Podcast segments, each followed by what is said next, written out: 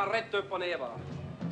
Längst ut vid Gävles kust som kallas Alderudden var till en början endast fäbodar och vretar. Detta område slogs till slut samman och fick namnet Brynäs. På den här tiden hade Gävle betydligt fler holmar än vad som finns idag och vid stadens kust fanns det betydligt fler våtmarker. Våtmarker som på fornnordiska kan översättas till brya eller bryor. Och ett näs, det vill säga en utbuktning från landet mot havet, eller som också kan beskrivas som en långsmal halvö. Det var alltså bryor vid ett näs och det första benämningen på Brynäs i Gävle kan vi hitta så långt bak som 1600-talet. Man skulle alltså med glimten i ögat kunna översätta namnet Brynäs IF till våtmarkerna vid Näsets idrottsförening. Åh, finns inget härligare än att vara brynäsare. Oh, oh, oh,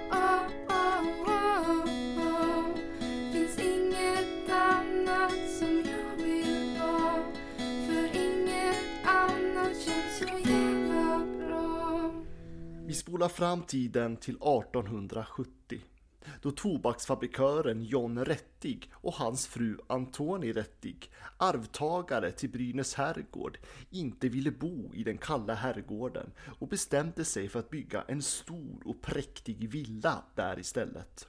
Det var ett stort trevåningshus precis vid vattnet som ägdes av familjen Rättig. Till anläggningen en stor trädgård med stall, kuskbostäder och ja, som ni förstår ingick det även stora marker i det som då kallades för Brynäs. Och den här villan skulle få namnet Villa Rättig. Och varför är detta viktigt för våran historia? Jo, för att just Villa Rättig skulle få en avgörande roll i varför Brynäs IF heter just Brynäs IF.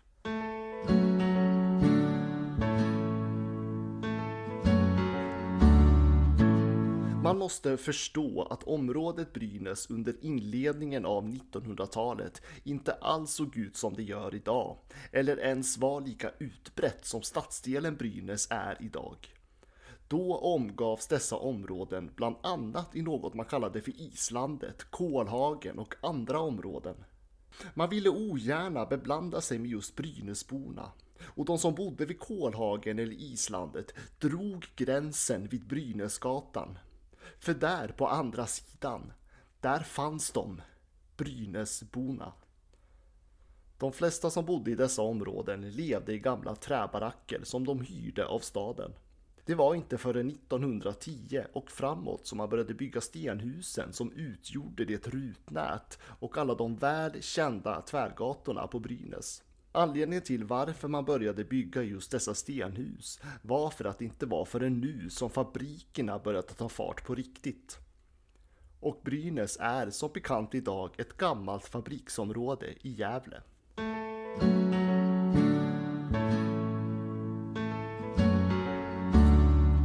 Det fanns flera idrottsföreningar i Gävle på den här tiden. Gävle IF hade lett fotbollen i Sverige sedan 1800-talets slut och den rika klubben utifrån det skulle få en uppvisningsgrupp i självaste sommar-OS i Stockholm 1912. Flertal Gävlebor hade åkt ner till huvudstaden för att hjälpa till att bygga den då supermoderna Stockholmsstadion där olympiaden skulle hållas. Det var alltså idrottsfeber i hela landet under det tidiga 1900-talet och inte minst i Gävle. Varje stadsdel i Gävle hade en eller flera idrottsföreningar, men Brynäsborna hamnade utanför.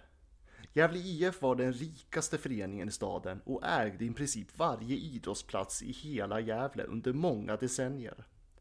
Skulle man hålla på med idrott fick man antingen hyra in sig på deras anläggningar eller hitta en egen plats att vara på för att exempelvis spela fotboll. Och de grabbar som växte upp på Brynäs hade dock inget av det här. De var fattiga och hade inte ens råd med fotboll som på den här tiden kunde kosta mellan 2 till 5 kronor. Vi pratar alltså 100 till 200 kronor i dagens penningvärde. De unga tonårsgrabbarna gick därför ihop för att köpa sig en trasig boll som en snäll skomakare sedan fixade till åt dem. Men skomakaren saknade rätt verktyg och bollen som var gjord av läder blev därför inte särskilt rund. Men det fick duga åt ett gäng grabbar som efter skoltiden ville spela fotboll.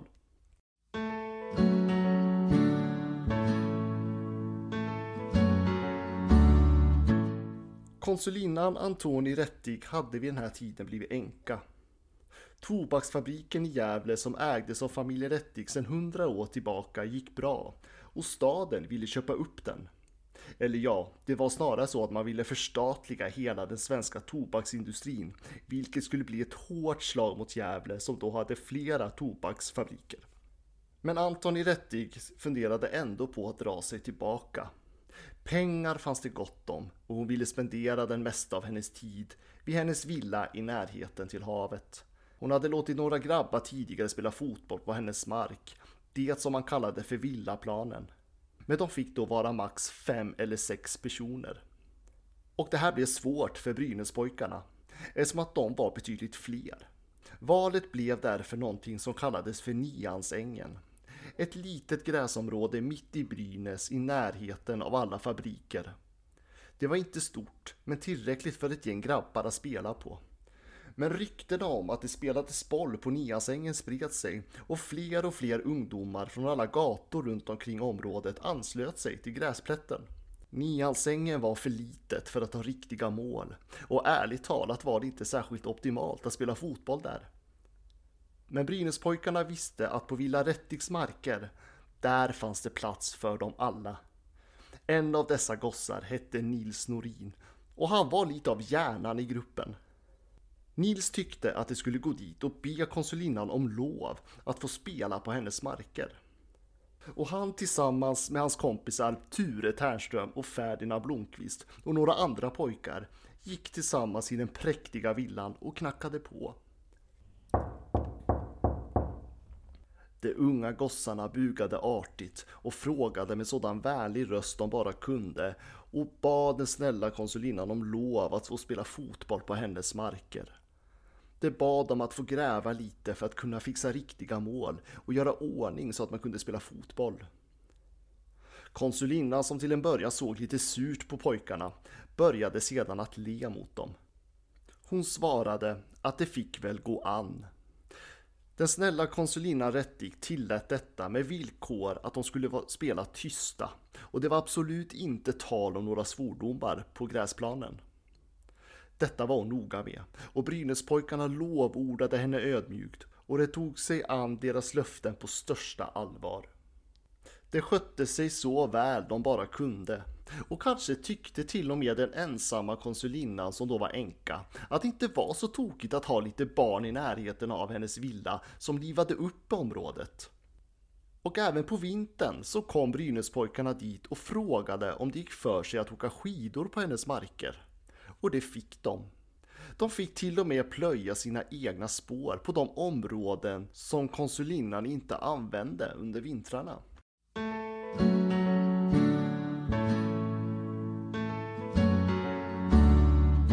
Och tidigt 1912, då det var som allra mest idrottsfeber i Gävle, pratade Brynäspojkarna om att få bilda en alldeles egen idrottsförening. De hade spenderat den kalla vintern med att läsa om vad som krävdes för att få vara en förening. En stor och viktig fråga var förstås vad föreningen skulle heta. Det fanns vid den här tiden en idrottsförening som redan hette Kolhagen IF. Därför kunde de inte använda namnet Kolhagen, även om det just vid den här tiden hade passat utmärkt. Och man tror idag att det var Nils Norin som kom på idén om att det var den snälla konsulina Rättig som låtit dem spela på hennes marker, vars marker sträckte sig över stort sett hela det området som på den tiden kallades Brynäs. Och 1912 hade man även börjat kalla delar av Kolhagen för just Brynäs. Och alla tvärgator däromkring var också numera Brynäs. Brynäs IF Namnförslaget gick igenom utan några större protester. Nils Norin valdes därmed som Brynäs IF första ordförande. Hans kompis Ture Tärnström blev sekreterare och en pojke vid namn Efrem Sundin blev kassör. Det var så, den 12 maj 1912, som Brynäs IF föddes. Äntligen så hade Brynäspojkarna en alldeles egen förening. Och detta var tack vare den snälla konsulinnan Rättig i Gävle. Officer.